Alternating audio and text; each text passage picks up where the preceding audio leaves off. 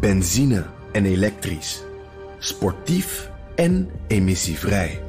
In een Audi plug-in hybride vindt u het allemaal. Ervaar de A6, Q5, Q7 en Q8 standaard met quattro vierwielaandrijving. Wat u ook zoekt, u vindt het in een Audi. Audi. Voorsprong door techniek. BNR Digitaal wordt mede mogelijk gemaakt door Amazon Web Services. De betrouwbare cloud voor kostenoptimalisatie, innovatie en digitale transformatie. Altijd en overal de laatste aflevering van je favoriete podcast. Download de gratis BNR-app. BNR Nieuwsradio. Digitaal.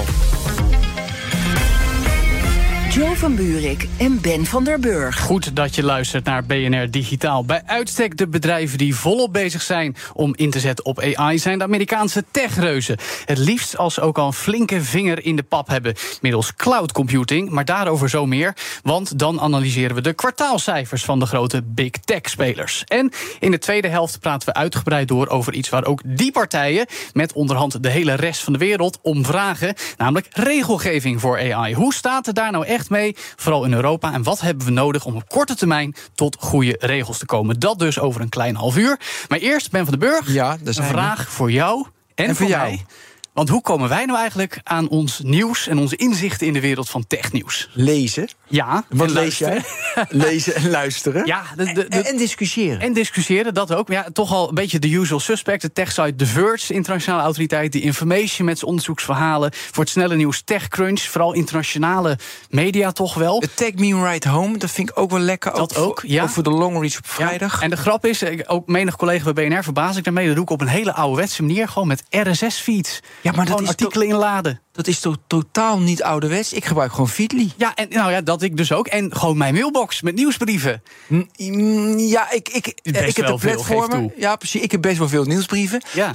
Maar wat ook interessant is, hoe sla je ze op? Ik heb duizenden manieren gebruikt. Dus inderdaad, uh, in Newsly, dat je, ze, uh, dat je ze bewaart in Newsly, werkt niet. Uh, in Feedly bedoel ik. Ja. En heb ik Pocket gebruikt, werkt ook. Nu heb ik dus hashtags in mijn notes. Weet je, ja. gewoon notes, hashtag.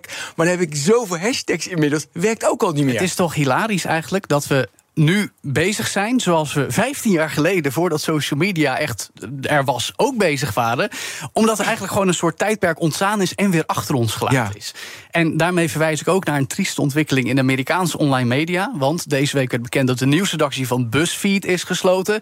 Vice Media heeft faillissement aangevraagd. Een paar jaar geleden moest Gawker Media al ten onder gaan. Ja, een doorstart, maar dat is allemaal nieuws. Nee. Al die, die, die nieuwsblogs, die Amerikaanse, ja, de, de, de nieuwe journalisten, die altijd zo leunde op social media.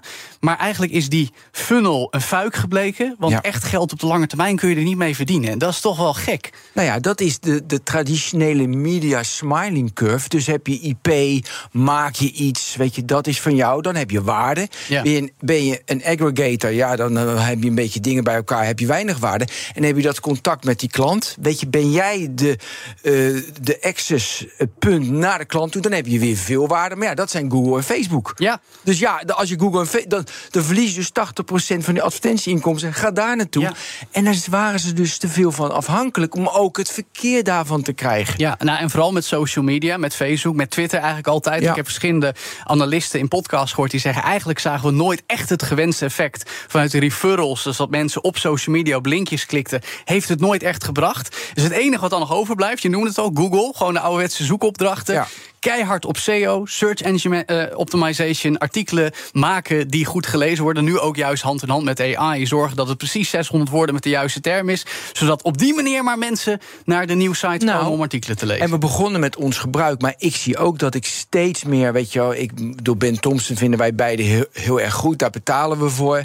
Dus ik zie dat ik steeds meer de platformen van Casey Newton betalen we voor, de information betalen. Dus wij gaan steeds meer naar de, nou ja, de, de diepere analyse. Hebben we twee of drie of vier mensen die we tot in de treuren volgen. En die analyse. En die betalen dat- we rechtstreeks met online abonnementen. Precies. En, en dat is onze bron. En niet meer dat algemene, dat is leuk even voor snacken, heel grappig. Weet je, dat is niet, maar dat is dus wel opvallend. Dus ja. wat moet je doen? Je moet toch in die niche dan de diepte ingaan. Ja, en er is nog een vorm, die is ook wel interessant. Want dat zijn dan sites die de combinatie opzoeken met mailnieuwsbrieven en of events. Nou, het bekendste voorbeeld uit eigen land notabene. Ja. De Next Web. Een tijdje geleden hadden we de oprichters hier nog.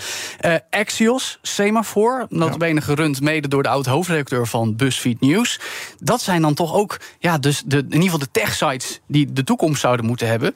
Totdat we al dan niet met AI Ja. weer de hele online mediawereld op zijn kop Nou ja, met. AI heb je gewoon minder kosten van het produceren Ja, van nieuws en je betere koppen. En je kan, Moet, toch? moeten we dit willen, Ben? AI-gegenereerd nieuws? Nee, nee, want Analyses.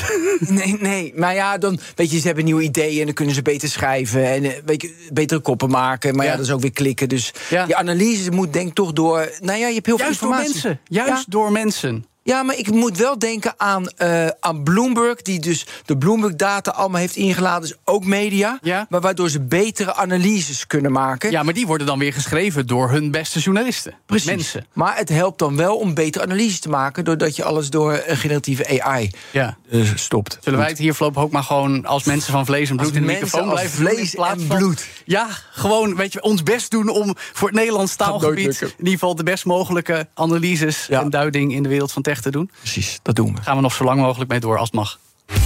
Joe van Buurik en Ben van der Burg. Deze hele discussie brengt ons bij de nieuwe focus van de grootste techbedrijven ter wereld. En dat heeft natuurlijk alles te maken met AI. Al dan niet aangedreven door reeds bestaande en steeds groter wordende activiteiten in de wereld van cloud computing. En daardoor lijkt die hele nadruk op online advertenties steeds minder belangrijk te worden. Maar hoe gaat die shift ook leiden tot financieel succes? Vooral omdat het momenteel nogal vraagt om grote investeringen. Dat gaan we beschouwen met Jordi Beuving, beursanalist bij de aandeelhouder. Welkom Jordi in BNR Digitaal. Ja, dankjewel. Leuk om hier te zijn. En eh, ja, inderdaad, AI, heel actueel thema op de beurs. Ja. Eh, AI is natuurlijk zeker niet nieuw, maar je merkt echt de afgelopen paar maanden, sinds begin dit jaar, dat het echt heel erg speelt op de beurs. Kijk. Dus eh, ja, leuk om het over Ja, te hebben. Jordi. Gelijk uit de startblokken. Ja, heb je, heb je uitgerekend als je alleen al in de, in de call, in de, in, in, de, in de call zegt AI, wat dan de waarde gelijk, wat de beurskoers gelijk doet? Want voor mij kun je daar gewoon een analyse op loslaten. Of je die te- naast elkaar zet. Zeg Als alleen op de termen genoemd de wordt. term de genoemd CEO. wordt. Wat je ziet bij de kwartaalcijfers in de zogeheten earnings call, zeg maar, dat het bedrijf communiceert met beleggers eh, één keer per kwartaal. Ja, die is nog nooit zo vaak het woord AI gebruikt. Ja. Eh, als je Ctrl-F doet, inderdaad AI, dan zie je echt ja, 100, 200 keer eh, AI. Ja, dat is echt anders in vergelijking met ja. Ja. Dus die bedrijven maken er ook echt gebruik van. Maar, maar wa- wat is dan jouw zeg maar even eerste indruk analyse daarvan? Want wij analyseren tech, tenminste wij doen, we doen ons Mhm. best. Jij analyseert beursrapportages. Ehm, doen ze het vanuit effectbejag? Zo van kijken of we zo vaak mogelijk AI kunnen roepen om maar die koers te zien stijgen? Of zijn het echt gedegen onderbouwingen wat jou betreft? Nou, dat is, eh, kijk, het zal niet zijn om de koers omhoog te krijgen. Maar wat het eigenlijk is, is eh, het is eigenlijk begonnen met ChatGPT van eh, OpenAI. ja, dat is eigenlijk bijna een half jaar geleden Ja, alweer. bijna een half jaar geleden inderdaad. Nou, dat was eigenlijk voor het eerst dat bij iedereen het kwartje vallen van... zo, die AI, dat is echt wel ja, bizarre toepassingen... waar we mee aan de slag kunnen. Ja. Nou, dat heeft eigenlijk het balletje aan gang gebracht... dat iedereen dacht, Alphabet, eh, Amazon... oh shit, eh, wij moeten ook echt iets gaan doen met dat AI. Ja. En eh, zeker Alphabet voelt zich nu echt ja, een soort van aangevallen door eh, de concurrentie. Omdat ja, die hebben bijvoorbeeld de hele zoekmachinemarkt in handen. Ja, en toepassingen zoals ChatGPT zijn er echt gewoon een bedreiging voor. Ja, ja. Dus ja, die zitten nou in de verdediging van, oh, wat gaan wij doen? En zien zich genoodzaakt om ook zo snel mogelijk dingen uit te rollen. Ja, ik vind het interessant dat je gelijk over Alphabet begint als moederbedrijf van Google. Want wat we ook zagen in de cijfers, dat Google Cloud, de divisie die eigenlijk nu het belangrijkst genoemd wordt, voor het eerst sinds 15 jaar winst maken. Wel door een beetje te schuiven met de cijfers, zal ik maar zeggen. Ehm, het lijkt toch een beetje alsof Alphabet in een soort paniekmodus zit. En alsof het groeiperspectief, ook omdat ze achterlopen in de AI-race met Microsoft als investeerder in OpenAI, dat, dat, dat Google dat toch niet lekker zit. Heb jij het idee dat daar echt de paniek is en dat dat blijkt uit de kwartaalcijfers en de toelichting die Google vorige week had? Nou, dat daar paniek is, eh, dat kan je zeker wel zeggen. Dat eh, ben ik het helemaal mee eens. Dat eh, zie je echt, die schrikreactie bij Alphabet de laatste tijd, zie je heel duidelijk. Ja. Eh, Dat zag je ook al een beetje met de reactie op de beurs, volgens mij. Hè? Dat zag je ook op de beurs inderdaad. En eh, laatst eh, kwam een headline ook eh, in het nieuws dat de telefoons van Samsung, de smartphones, dat die bij de fabrieksinstellingen wellicht overwegen om uh, de Bing van Microsoft te gebruiken. Ja. Dat is momenteel Alphabet. Ja. Dan zag je ook die aandelen meteen 4, 5 procent wegzakken op dat nieuws. Omdat dat natuurlijk echt gewoon een groot gevaar is voor Alphabet. Ja, Ja. dus de kern is de groei van Bing. 1% groei eh, van, eh, zeg maar, eh, van, eh, van zoeken van Google naar Bing is miljarden direct. Dus dat is de angst, toch? Dat is de kern van de angst van Google. Ja, wa- wa- wat het is, kijk, Google is heel lang eh, eh, dominant geweest op die zoekmachinemarkt. Eh, dat is heel lang best wel stabiel gebleven. En dit is eigenlijk voor het eerst dat men echt inziet van... oh, dat zou wel eens kunnen veranderen. En Ja. dat gaat waarschijnlijk ook Ja, veranderen. maar het rare vind ik, ze hebben Lambda en ze kunnen, weet je, want eigenlijk is Hun eigen taalmodel. Ja, eigen taalmodel. En eigenlijk is, ChatG is, eigenlijk is ChatGPT alleen maar een interface. Ja. Ja. Want prima.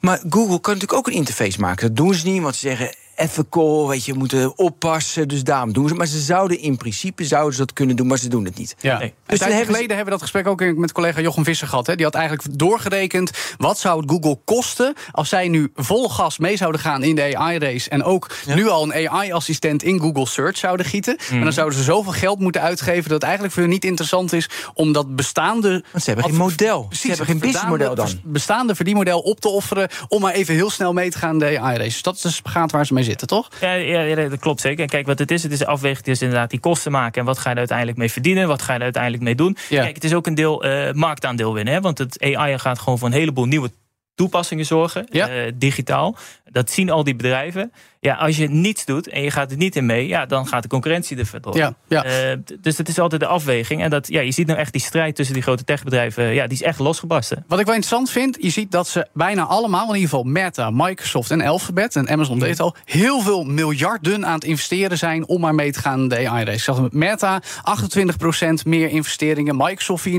meer, Alphabet 36% meer. Ehm, dat zijn dus flinke kostenposten. Slikken alle aandeelhouders dat zomaar als van nou dat moet gebeuren om te zorgen dat ze future-proof met AI bezig zijn? Nou, slikken alle aandeelhouders dat. Eh, kijk, eh, we hebben bijvoorbeeld ook bij Meta gezien. Die hebben heel lang enorm veel uitgegeven aan de metaverse. Een soort Precies. pitch van Zuckerberg van... Ja, hey, de virtuele gaan- werelden. De virtuele wereld, dat wordt hem helemaal. Ja, ongeacht hoe je erover denkt. Dat heeft allemaal toch wat langer geduurd... als dat misschien mensen... Het gaat eerder- nog langer duren, wees maar niet het bang. gaat misschien nog veel langer duren, inderdaad. En die heeft echt heel veel kritiek gehad van aandeelhouders. Van hey, stop even met al die miljarden stoppen in die metaverse. Want hey, het gaat echt om tientallen miljarden. Dat is echt gewoon veel te gek. Wees daar wat zuiniger op. Ja, Ja. Heeft even geduurd, maar dat balletje is ook bij Zuckerberg uiteindelijk gevallen. Dat hij dat inderdaad eh, is gaan doen. Ja. Ja, zag je ook meteen de positieve koersontwikkeling bij Meta een aantal keer. Omdat dat gewoon een heel duidelijke shift is geweest. Ja, En eigenlijk de af- minder uitgeven. De afgelopen twee keer bij de kwartaalcijfers van Meta was eigenlijk positief. Hè. Daarvoor was het heel lang in mineur. Want elke keer heel veel geld uit heeft gegeven voor het metaverse. Zonder dat de aandeelhouders snapten wat het perspectief van het metaverse was. Eh, verbranden van geld eigenlijk. Precies, en dan drie maanden geleden was het... nee, we gaan veel meer op de ouderwetse manier... met online advertenties eh, geld verdienen. Waarbij ik zoiets had van, ja, maar wacht eens even... Meta zat toch gevangen in de greep van Apple... met het app tracking transparency... waardoor ze niet die gepersonaliseerde advertenties kunnen uitserveren. Dus hoe verwachten ze dan geld te gaan verdienen met advertenties weer? En dan nu vorige week was het verhaal... ja, maar we gaan AI-assistenten in WhatsApp, Facebook en Instagram hijsen... en daar geld mee En verdienen. daar geld mee verdienen. En ja. dat, en dat is even eh, oneerbiedwaardig gezegd... slikt de aandeelhouders ook als van, nee, dat is positief. Ja, ja, kijk, er is natuurlijk best wel een verschil. hè, Want de metaverse is toch nog echt een, eh, een belofte waarvan iedereen toch een beetje ja, niet een beeld heeft van ja, wat hebben we daar nou aan, wat kunnen we daar nou mee? En die AI-assistenten AI zijn concreter. Die zijn veel concreter. Want kijk, Ja. Met kan gewoon zeggen, nou, als wij AI gaan gebruiken, dan kunnen we eh, de ROI omhoog halen. Dan gaat onze advertentiemarkt wat efficiënter, weet ik het wat allemaal. Eh, dus daar heb je veel eh, ja, duidelijker hebben mensen een beeld van ja, dat gaat dat dan opleveren. En Ja. ze moeten Nou, ook wel. Ik vind hem voor Alphabet vind ik hem wel vind ik hem lastiger. Ja? Want, ja, want ze gebruiken al heel veel, eh, heel veel AI. Alleen de generatieve AI, dat, is raakt het het businessmodel. Ja. Maar dat raakt ook hun businessmodel. Dus dan moet je weer, weet je, subscriptions hebben ze en licenties uitgeven. Dus dat is het model wat natuurlijk heel goed Microsoft kan. Maar voor, eh, maar voor Google is die is dat toch lastiger. Daarom zijn ze natuurlijk ook daarom zijn ze voorzichtig. Dus mm, ja, wat nu? Ja? Nee, ja, dat vraag ik me ook af. Ja, nee, maar dus, weet je, de, daarom doen ze denk ik ook voorzichtig. Dat is logisch. Eh, investeren in cloud, business. Want wat natuurlijk die generatieve AI ook doet, is natuurlijk heel erg het het werkproces fijner maken, makkelijker maken. Daarom natuurlijk uh, waar Microsoft mee komt, dat je hem uh, in Microsoft 365 integreert. Ja. Want dat, maar ja, dat heeft Google ook minder. Dus ik vind Google op dit moment best wel het, het meest lastige. Ja. Zit Google, is, heeft Google het het zwaarst van de grote techbedrijven, Jordi? Ja, ik denk dat ik daar wel mee eens ben. Kijk, uh, Google uh, is voor echt het grootste gedeelte afhankelijk van die advertentiemarkt. Met daar zoekmachine. Ja. Microsoft is echt veel meer. Hè? Uh, cloud, Xbox, veel gediversifieerder. Maar ook Microsoft, jij zegt, 365 voor ja, offices, et cetera. Ja, hun kunnen ook AI in veel meer producten gaan integreren. Ja. Alphabet ja, is toch heel erg afhankelijk van die zoekmachine. En daar is juist net hetgene waar ja, het offensief op is losgebarsten. Ja, maar dan moeten we gelijk naar Meta, want die is ook afhankelijk van advertenties. Die gebruiken ook wel heel veel AI en die Ja. hebben ook hun taalmodellen. Die zijn, nou ja,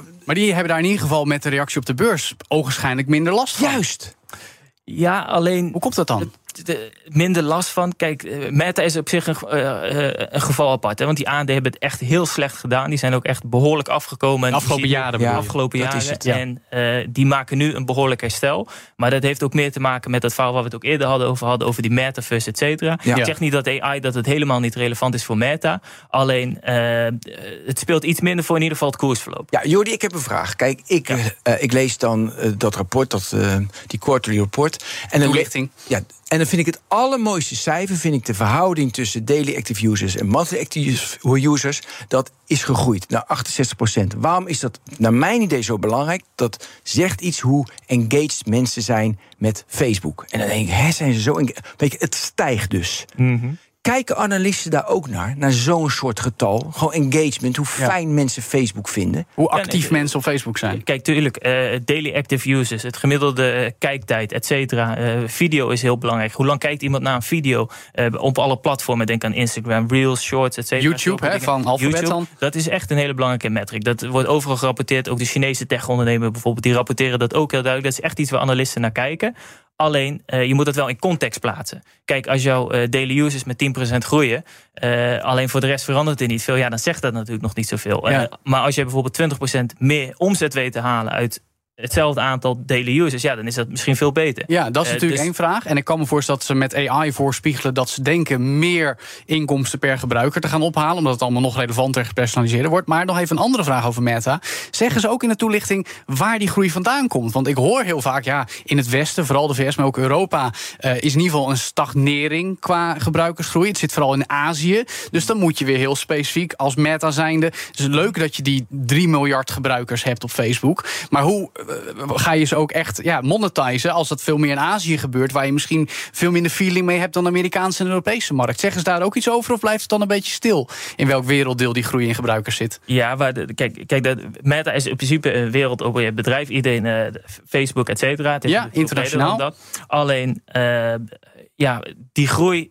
Die is wel afgezwakt natuurlijk. Heeft natuurlijk in het begin een enorme exponentiële groei gehad. Precies. En je ziet nu echt dat er, ja, er zijn steeds meer concurrentie. Zeker voor die kleinere platformen. We hebben TikTok, we hebben Snapchat, we hebben allerlei concurrentie. Ja. Eh, dus ja, daar wordt Meta toch ook wel een beetje aangevallen. En ja. Ja. ze zijn er zelf natuurlijk mee aan de slag gegaan om zelf ook allerlei nieuwe producten. eh, Maar ik bedoel meer als zij roepen, we hebben, ik, ik weet even niet of het exact klopt, maar we hebben 3 miljard Facebook Ja, gebruikers. 3.02. Precies. Nou, dan, dan slikken de aandeelhouders dat dus. Van, oh, oké, mooi. Zoveel gebruikers zijn er dus. En dan worden er geen vragen gesteld. Ja, maar waar zitten die dan? Want die vragen krijg ik dan wel eens. Als mensen mij vragen, waar zitten al die nieuwe gebruikers van Facebook dan? Mhm. Ja, dat zou in de earnings call zal er zeker diep op ingegaan Ja, staat er allemaal ik, eh, Er staat er zeker, ik heb die zelf niet eh, heel Ja, uh, paraat nauwgezet niet. gelezen eh, Nee. van Meta. Alleen daar zullen, ja, daar zullen zeker vragen over gesteld worden van... hey, eh, jij zegt zoveel groei, ja, is dat dan wel daar? Is dat dan wel daar? Eh, Ja. Hoe zit dat precies? Om daar meer duiding over te krijgen. Want Ja, ja, je precies. kan een cijfer rapporteren. eh, maar hoe dat dan, ja, de context daarvan... die wordt vaak in de earnings call gegeven. Ja, ja. Eh, waarbij beleggers meer feeling krijgen hoe dat dan precies in elkaar zit. Ja, nog even naar Microsoft, hè, want die hebben we al benoemd. Is uit de startblokken geschoten in de AI-race. Ligt voorop, zou je kunnen zeggen, met die implementatie Ja. van al die AI-toepassingen. die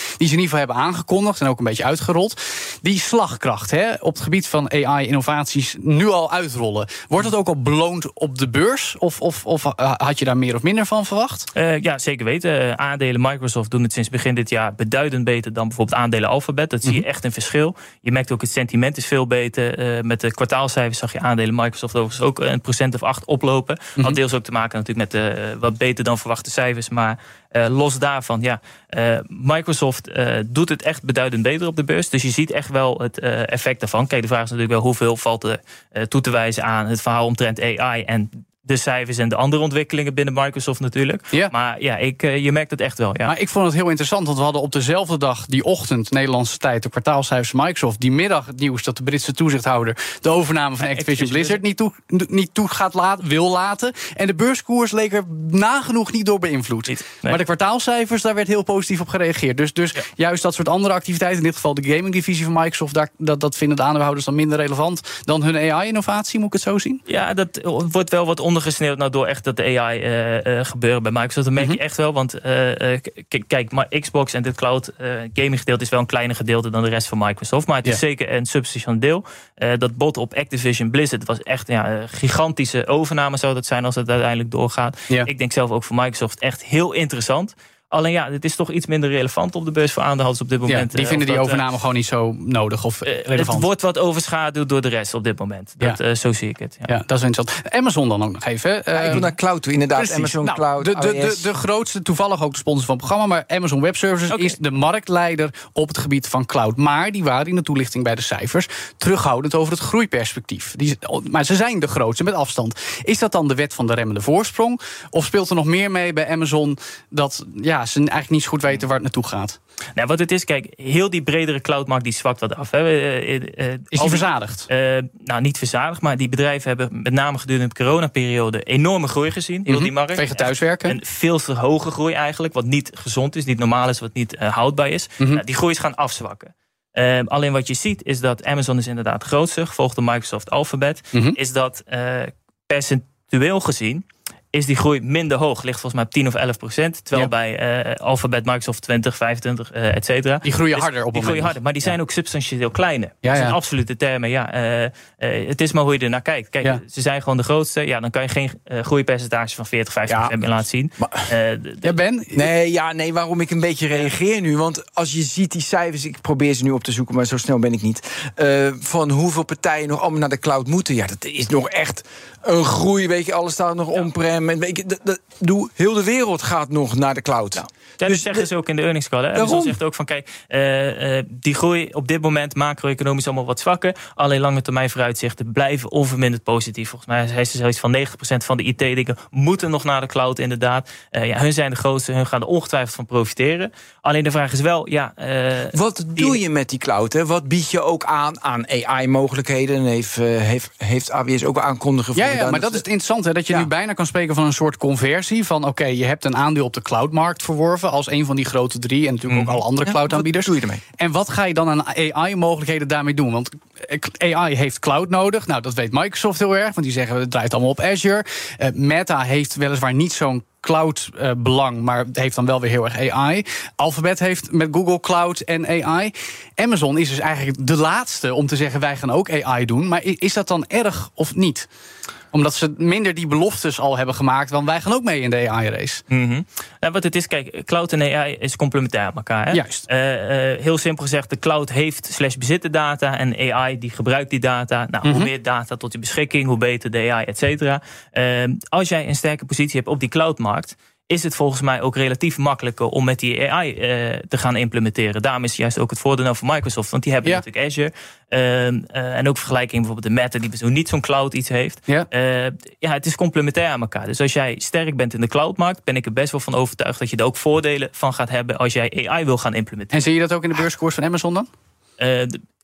Dat- ja, direct of je dat terug kan zien in de beurskus. Alleen voor Amazon, kijk, grote cloud spelen. Ja. eh, hun kunnen daar eh, toepassingen gaan vinden voor AI. Zijn ze actief mee Maar dat bezig. doen ze al. Ja. Dat doen ze al, eh, Ja. jarenlang. Geven ze veel geld aan uit. Alleen wat het natuurlijk wel is, de cloud is bij Amazon een relatief klein gedeelte nog. Hè. Dat is volgens Ja, mij, De cloud is de grote bij Amazon, hoor.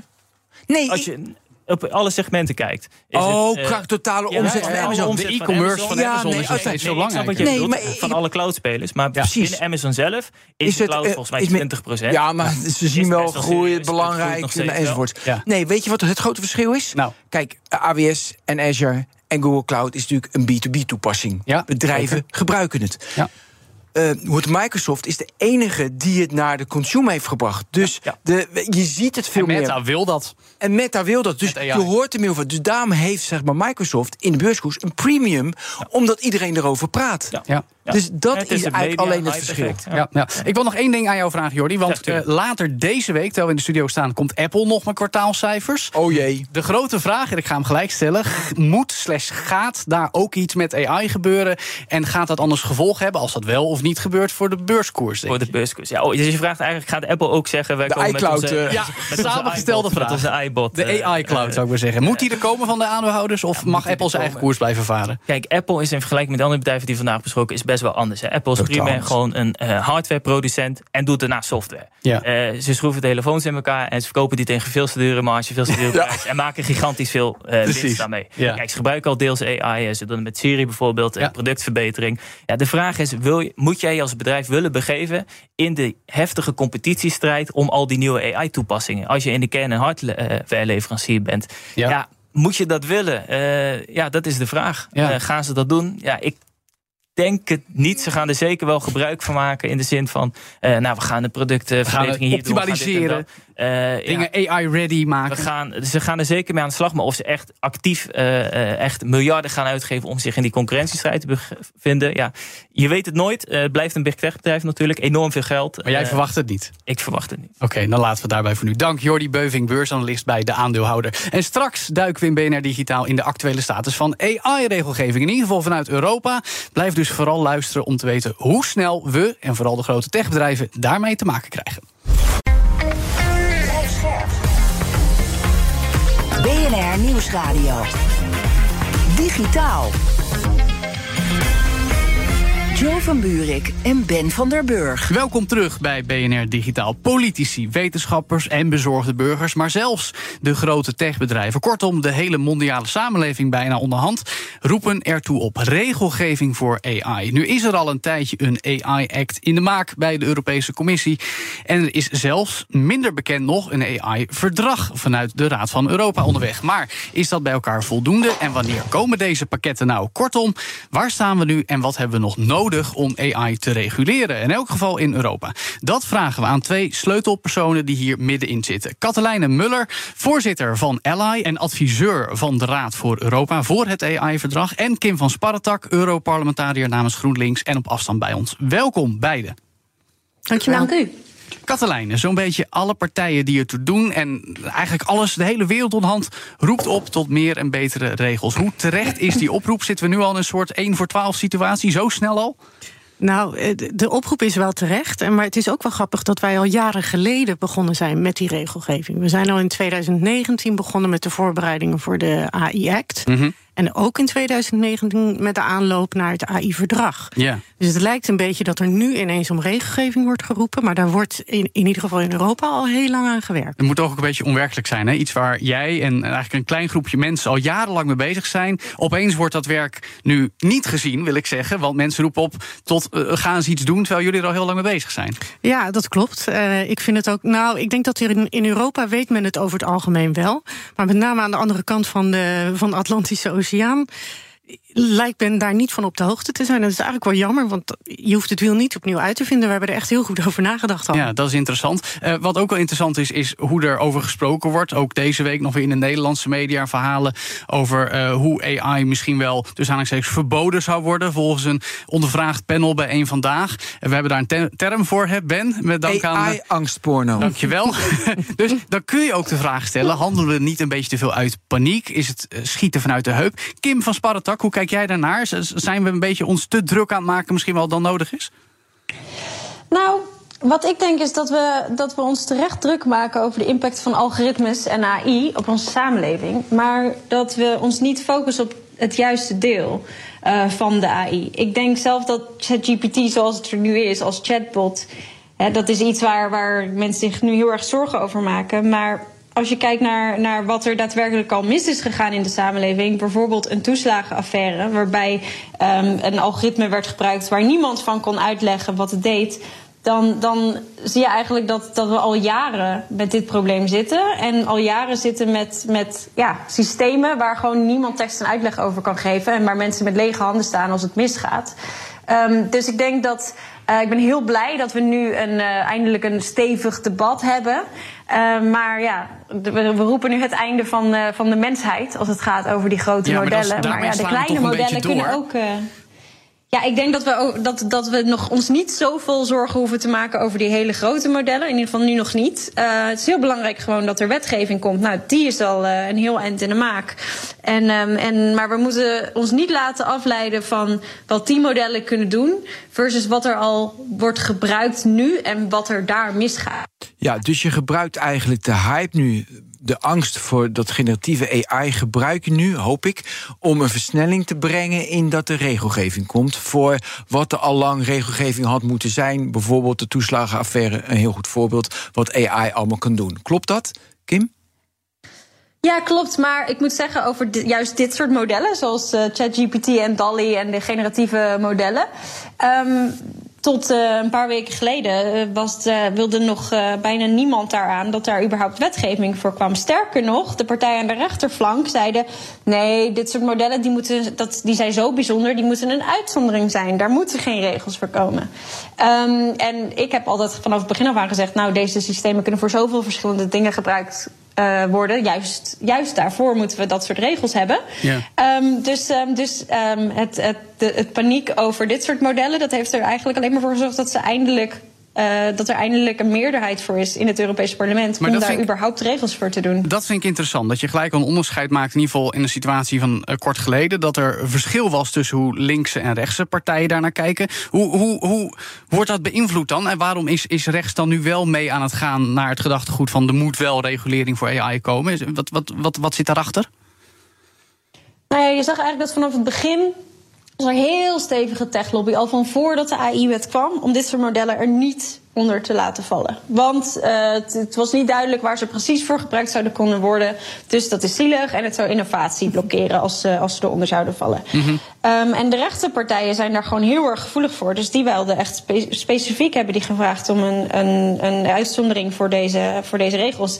Um, en nu uh, is er eindelijk aandacht voor dit soort modellen. En is de enige vraag die wij eigenlijk kregen, want hiervoor was er niet zoveel aandacht voor, was: wat gaan jullie dan met ChatGPT doen? Um, en nu moeten ze dus wel zeggen van, oh ja, dat zou een beetje gênant zijn als we nu zeggen we komen met niks. Yeah. Um, en dat was ook het enige wat ik hoefde te zeggen tijdens de onderhandeling was. Ja. Gaan we echt naar buiten komen en zeggen: We hebben nu een AI-wet, maar dit valt er niet onder. Dat is misschien een beetje gênant. Ja. Om ze toch zover te krijgen om wel aan regels te willen werken. Ja. Uh, Katelijne, jij bent natuurlijk adviseur uh, van de Raad voor Europa als het gaat om AI. Loop jij ook tegen dit soort ja, uh, wijfelingen en aarzelingen aan? Of, of is het duidelijk: nee, we hebben echt AI-regelgeving nodig? Nee, dat is eigenlijk daar wel, wel vrij duidelijk. Um, en uh, daar, is, uh, daar zitten meer partijen ook, uh, nog meer landen ook aan tafel. Dat is wat het heel interessant maakt. Het is ten eerste is het een verdrag, dus het is een ander instrument. Mm -hmm. Maar er zitten ook meer landen aan tafel. Dus uh, de landen van de Europese Unie, plus 19 andere landen. Het VK, Zwitserland, Noorwegen, Oekraïne. Mm -hmm. plus, en dat maakt het zeker interessant, denk ik, observer states, zoals dat heet. En dat zijn de Verenigde Staten, Canada, Japan. Ja. Yeah. En die zitten ook aan tafel. Die praten ook mee over ja. dat verdrag. Ja, en dat verdrag, even voor de goede orde, dat uh, regelt eigenlijk waar wij met z'n allen recht op hebben als mensen, toch? Dat klopt. Het, het is eigenlijk, uh, AI heeft een impact op vrijwel alle mensenrechten. Jaren geleden uh, ben ik als adviseur betrokken geweest bij de aanloop naar dat verdrag. Mm -hmm. En heb ik in kaart gebracht welke mensenrechten kunnen nou geraakt worden door artificiële intelligentie. De meeste mensen denken dan aan privacy en aan discriminatie. Ja. Maar bijvoorbeeld het recht op een redelijke verdenking. Als je een fraudevoorspellingsalgoritme hebt. wat uitgaat van karakteristieken dat die iemand toevallig deelt met een ander en niet op een echte verdenking van die persoon, is er dan nog sprake van een redelijke verdenking. Dat ja. is een mensenrecht. Ja. En bijvoorbeeld het recht op een uh, eerlijk proces. Als het een black box is en de rechter kan het dan niet meer begrijpen en de advocaten kunnen het niet uitleggen, heb je dan wel een eerlijk proces.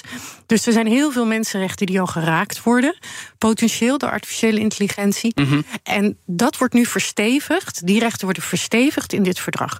Wat mij betreft voegen we er nog een aantal AI-specifieke mensenrechten Zoals? Ja, uh, bijvoorbeeld het recht uh, op menselijke autonomie. Hoe ga je dat doen? Want ja. op dit moment beïnvloed jij mij. Dus dan ben ik niet meer autonoom. Want jij beïnvloedt me- mij met jouw woorden. Ja, maar dat zijn mijn woorden. Ik zou zeggen, het recht op menselijke autonomie ten opzichte van AI. Dus ten opzichte van de machine. Niet in zijn algemeenheid. Want dan krijg je inderdaad een discussie. Ja, dan kunnen we wel ophouden met elkaar. Met, maar met dat elkaar. heeft grote consequenties. Hè? Want mijn timeline beïnvloedt mij. Mijn hele nutje, wat de overheid ook doet, mijn nutje, weet je, ook. Dus eh, wat ik eet, weet je, ik word de hele dag word ik genutcht. Dus, en Ja. dat wordt allemaal door, AI dat wordt allemaal door AI Ja. gedaan. Ja, Dus dit heeft mega consequenties. het heeft mega consequenties. Maar het is wel iets wat je zou kunnen overwegen. En wat grappig is, Dat is gaat dat. natuurlijk nooit gebeuren. Dit dat kan ik, helemaal niet. weet, ik weet het niet, want de Federal Trade Committee, of Commission, de FTC, de Verenigde Staten, die heeft gisteren een state een statement uitgebracht waarin ze zeggen: pas op, wij gaan heel scherp kijken naar het gebruik van AI om mensen te manipuleren, om mensen in een bepaalde richting te nudgen en ook richting besluiten die ze anders niet zouden nemen. Ja, dus er gaat een bepaalde commissie toezien in hoeverre je mensen mag nutchen. Leg ik het zo goed uit, denk ik dan. Ik weet niet Nee. hoe de nuance, ik weet niet hoe de nuance dan gaat vallen, maar ik denk dat het een, een recht zou kunnen zijn wat je zou kunnen overwegen. Maar het heeft met name ook te maken met ehm, eh, bijvoorbeeld het gebruik van AI waar kinderen bij betrokken Ja, zijn. dat sowieso. Ja, maar ik. dat sowieso. Maar het gebeurt wel. Snapchat, Ja. die zegt weliswaar... ja, we, we zullen niet meer zorgen dat het gaat afspreken op Centraal Ja, met Station. AI-assistent in Snapchat. Precies, maar de in een volgende keer. Ja, precies. Maar de volgende keer is het een conversatie over of je wel of niet weg moet lopen Ja. van huis. Weet je, hoe ga je alles pakken? Dit vind ik even mooi om weer terug te gaan naar Kim. Want Kim, de AI-act, daar hebben we het al meermaals over gehad... met jou in BNR Digitaal. Dit soort recente uitwassen, zoals zo'n AI-assistent van Snapchat... waar we dan opeens eigenlijk door overvallen worden. Tenminste, sommige mensen zien dat zo. Ja. Ehm, wordt die ook beetgepakt met zo'n AI-act? eh, met, met, met, met hoe die nu onder handen genomen wordt? Ja, ja, maar er blijft natuurlijk een, een ander punt in van het, wij gaan niet per se in over wat of, of Cha- Snapchat het gebruikt en ook of het voor, door kinderen gebruikt mag worden. Dat blijft natuurlijk eh, iets wat, wat ook deels nog aan de maatschappij ehm, eh, ligt. Maar ja, dit soort eh, systemen gaan er zeker onder vallen. En ehm, ja, gaat dan dus echt vooral over zorgen dat ze transparant zijn. Dat het heel duidelijk is dat jij met een bot praat. Maar ja, zoals ik al zei, met kinderen is dat gewoon lastiger. Die zijn Ja. wat, eh, wat impulsiever en die begrijpen dat gewoon net iets minder goed. Dus dat maakt het wel heel lastig. En dat is denk ik een bredere maatschappelijke discussie over... Ja, moeten we kinderen beter beschermen tegen dit soort systemen. Ja. Ehm, maar dit soort modellen, ja, die gaan er zeker onder vallen. Ze moeten zorgen dat ze transparant zijn. Hun, het moet duidelijk worden waar hun data op eh, gebaseerd is. Ze moeten laten zien dat ze inderdaad eh, alle voorzorgsmaatregelen hebben genomen. Dat ze niet eh, verkeerde dingen zeggen, dat ze niet te ver gaan. Ja. En ehm, nou ja, daarnaast, wat ik heel leuk vind, ze moeten zich ook aan milieustandaarden gaan houden. Ja. Maar dat is misschien niet, past niet helemaal in dit debat. Nou ja, maar goed, ehm, dat dat, is wel heel belangrijk. een- want het kost superveel energie om die dingen te trainen. Dus Ja, dat, is heel tof. Dat is natuurlijk we daar, een overweging. hè, maar, maar ik geef het jullie wel te doen, zou ik bijna zeggen. Want we hebben wekelijks, zo niet dagelijks, nieuwe AI-initiatieven, platforms die opduiken, waar we dan weer iets mee moeten. Nou, we, we weten hoe noodvaar lang het proces is om regelgeving te formuleren en te implementeren. Hoe zorgen jullie nou vanuit Europa dat er tussen aanhalingstekens in no time iets komt, wat ook ingevoerd wordt en gehandhaafd kan worden, terwijl we wekelijks met nieuwe AI-initiatieven te maken hebben? Nou, kijk, wat het grappige is eigenlijk, is dat al die nieuwe initiatieven, qua, qua wat de zorgen zijn, verandert het niet zoveel. Oké. Want er is risico inderdaad op dat je mensenrechten geschonden wordt. Dat er het impact heeft op je, negatieve impact heeft op je gezondheid. Dat het een negatieve impact heeft op het milieu. Of wa- wat voor systeem dat nou ook is, daar proberen we wat aan te doen. Dus er is nog niet nou een nieuw systeem op de markt gekomen het afgelopen jaar, of de afgelopen twee jaar sinds we ermee bezig zijn, wat ehm, andere risico's met zich meebrengt dan waar wij al mee bezig waren. Dus dat is eigenlijk omdat deze wet gewoon heel specifiek een, een brede horizontale wet is, waarin we gewoon alle hoge risico's proberen te vermijden die er zijn met AI, ehm, verandert dat niet zoveel. Maar ik moet wel zeggen, ja, het is wel veel werk om het allemaal, eh, om Ja. het allemaal bij te houden. Maar so far hebben we dus nog niks gezien waarvan we denken: oh ja, dit valt er nu niet onder of zo. En we hebben dus ook wel zo gedaan dat, ehm, dat de wet heel snel aanpasbaar is. Mocht er een keer iets opkomen. Dat, eh, dat we heel snel ehm, dat eh, ook direct onder de wet kunnen laten vallen. Ja, dat in, klinkt dat- veel, in een paar maanden is klinkt dat dan veelbelovend. Katelijnen. Ja, wat ik, als ik daar even aan, aan, aan toe mag, eh, op aan mag vullen. Wat ik heel, eigenlijk heel grappig vind, is dat deze ontwikkelingen en deze hype en deze aandacht. precies midden in dat wetgevingsproces valt. Ja, dat is In gelukt bij- voor jullie. In beide wetgevingsprocessen. Dus waar je altijd de discussie had over. Oh, wetgeving loopt enorm achter en het haalt het nooit. Komt het precies op het goede moment om het nog mee te nemen. In twee wet, wetten die er al bijna zijn. Want binnen zes tot negen maanden zijn er akkoorden op zowel uh, de AI-act, hoop ik, Kim, en het, uh, en het AI-verdrag. Uh, en dan krijg je nog wel wat, wat omzettingstermijnen en dat soort dingen. Maar we zijn al heel ver. Ja, maar nog even dus terugkomen op dat AI, weet je, angstporno, om daar, daar op terug te komen. Dus de wetten die nu worden gemaakt, dat we kunnen dat tijdspad nu gewoon volgen. We hoeven niet de versnelling in te gaan, want het gevaar voor, van, van de generatieve AI is er nog niet echt. Dus eigenlijk hoeven we geen versnelling. Ja, het is prettig als je bepaalde algoritmen dat, dat, dat iets beter onder controle. Maar er is geen acuut gevaar. Of is er nu wel acuut gevaar, wat het je overal hoort? Kim? Ja, nou goed, hoe sneller, hoe beter. Hè? Want nu zijn er gewoon geen regels. Dat is, ook, dat is niet een relaxed gevoel. Als je ziet wat ze allemaal al kunnen. En vooral hoe wijd verspreid het is. En dat het gewoon onder ieders vingertoppen zit, zit nu, zitten die systemen nu. Dus ik vind het heel belangrijk dat we snel wetgeving hebben. Maar ik denk ook wat Katelijne net zei. Het feit dat we er wel echt tijd aan hebben gestopt om met goede wetgeving te komen. En ook nou ja, nu gewoon precies zien wat nou, datgene waar wat we eigenlijk al wel aan zagen komen, dat dat nu ook daadwerkelijk in de echte wereld is. Dus die systemen zoals ChatGPT en DALI. Um, dat, dat heeft ons wel geholpen nu om echt een goede wetgeving te maken. Dus ja, natuurlijk, hoe sneller, hoe beter. Maar ik ben wel heel blij dat we er echt tijd voor hebben genomen. Want voor het eerst een systeem of een technologie um, daar regels voor maken.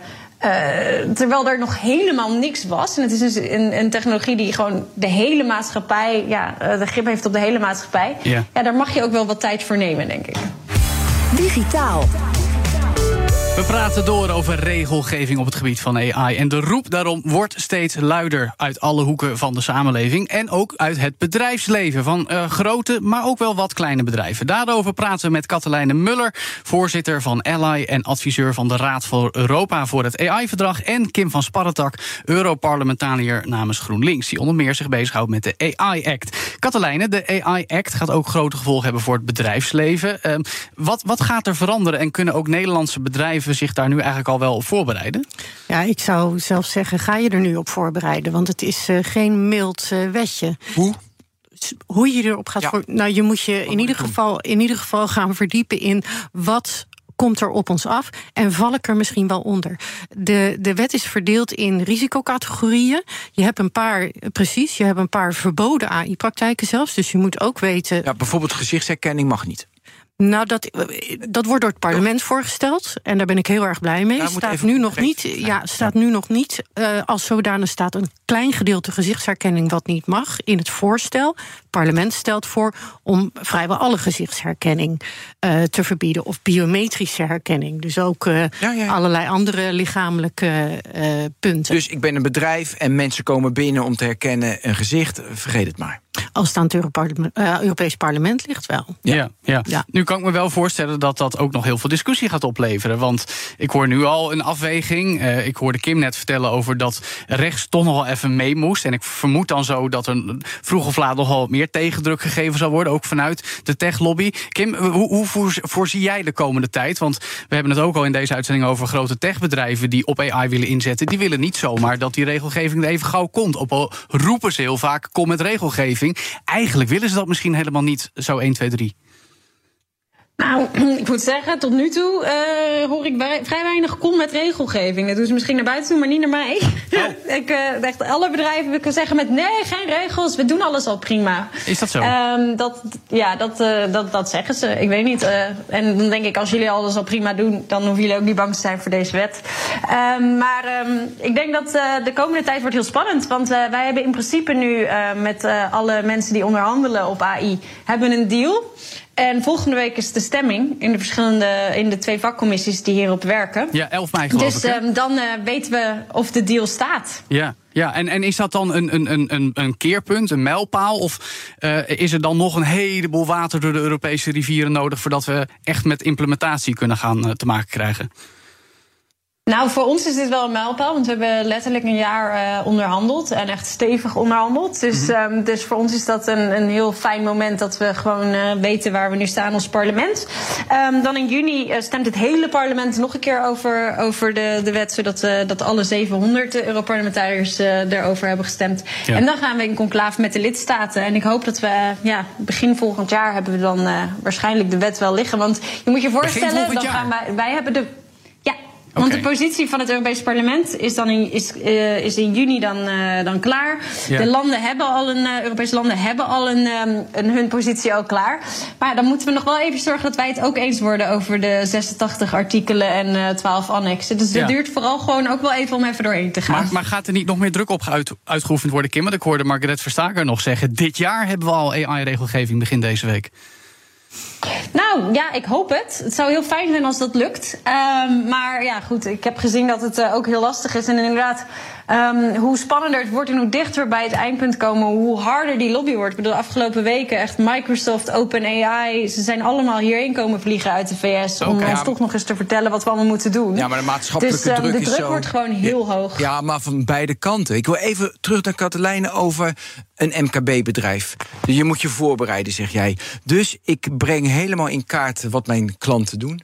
Weet je, alle data van klanten weet ik dan, dan optimaliseer ik dat. Dus ik moet nu alvast voorbereiden. Dat moet transparant. Dan kan een commissie, AP gaat het waarschijnlijk, de autoriteit persoonsgegevens of wie dan ook. Ja, wie dan? Wie, wie gaat dat controleren? Dan kan je dus een controle krijgen. Welke algoritme gebruik je? En wat voor, wat voor data sla je op? Kunnen ze al doen? Zo concreet wordt het straks. Het, wordt, ja, het wordt heel concreet. Maar er is, wordt wel een onderscheid gemaakt tussen op basis van het risico van je systeem. Dus als je een systeem bijvoorbeeld maakt voor uh, in de gezondheidszorg, wat uh, helpt met diagnostiek, Hoger.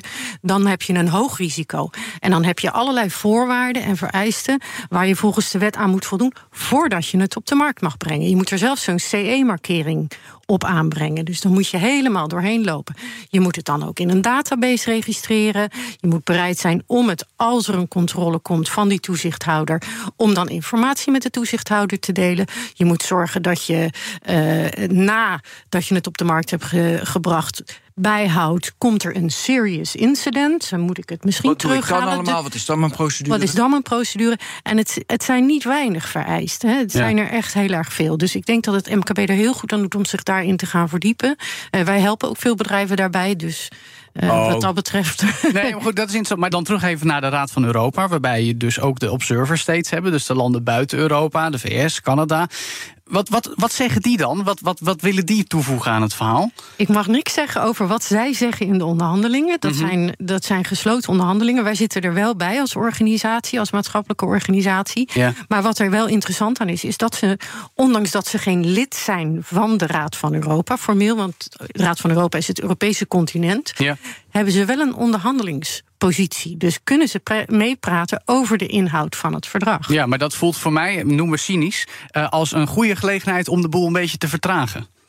Uh, ja, maar daar zie ik op zich geen echte signalen van. Ik, ik zie nu dat uh, uh, met name deze twee wetgevingsprocessen zoveel ja. mogelijk ja, parallel proberen te lopen. Me, ook elkaar in de gaten houden natuurlijk. Ja, hè, hebben we over de AI-act en het act verdrag. En het verdrag. Ja, precies. Oké. Okay. Kim, uh, sluit jij je daarbij aan? Uh, gaan we hiermee vanuit Europa over twee niveaus tegelijk een voortrekkersrol spelen... en zorgen dat AI echt gereguleerd wordt? Vooruit dan, wat je zei net, hij komt volgend jaar, 2024. Is het gewoon geregeld? In ieder geval de fundamenten daarvan?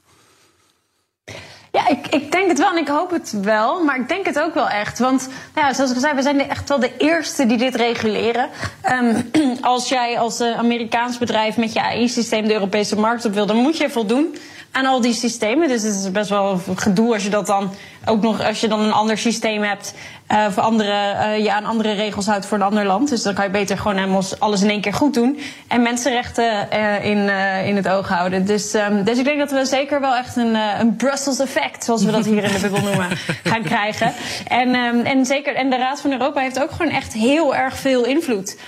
Um, wereldwijd. Dat zie je gewoon altijd. Dat, uh, dat, uh, dat als zij uh, bepaalde verdragen hebben, dat het gewoon heel veel impact heeft. Dus, um, dus daar heb ik ook goede hoop op. Ja. Nou, Nou, we gaan het merken. In ieder geval hebben we het hier alvast gehoord. En dank ik Katelijne Muller, voorzitter van Ally en adviseer van de Raad voor Europa voor het AI-verdrag. En Kim van Sparretak, Europarlementariër namens GroenLinks. Tot zover BNR Digitaal. Ook altijd te beluisteren als podcast op elk bekend op elk bekend platform, waaronder de app van BNR. En daar kun je ook luisteren naar de tech-update, zeker per dag. De CryptoCast en de technoloog Ben, deze week... AI-advertising. Daar gaat hij weer, jawel. Elke dinsdag een nieuwe aflevering daarvan. All in the Game over Star Wars. Want op May the 4th, elke donderdag dus... ook een, een nieuwe aflevering van de podcast Nexus. En natuurlijk elke woensdag weer BNR Digitaal. Dus zeg ik namens onze hele tech-redactie tot volgende week. Dag. BNR Digitaal wordt mede mogelijk gemaakt door Amazon Web Services. De betrouwbare cloud voor kostenoptimalisatie, innovatie en digitale transformatie. Benzine en elektrisch. Sportief en emissievrij. In een Audi plug-in hybride vindt u het allemaal. Ervaar de A6, Q5, Q7 en Q8 standaard met quattro vierwielaandrijving. Wat u ook zoekt, u vindt het in een Audi. Audi. Voorsprong door techniek.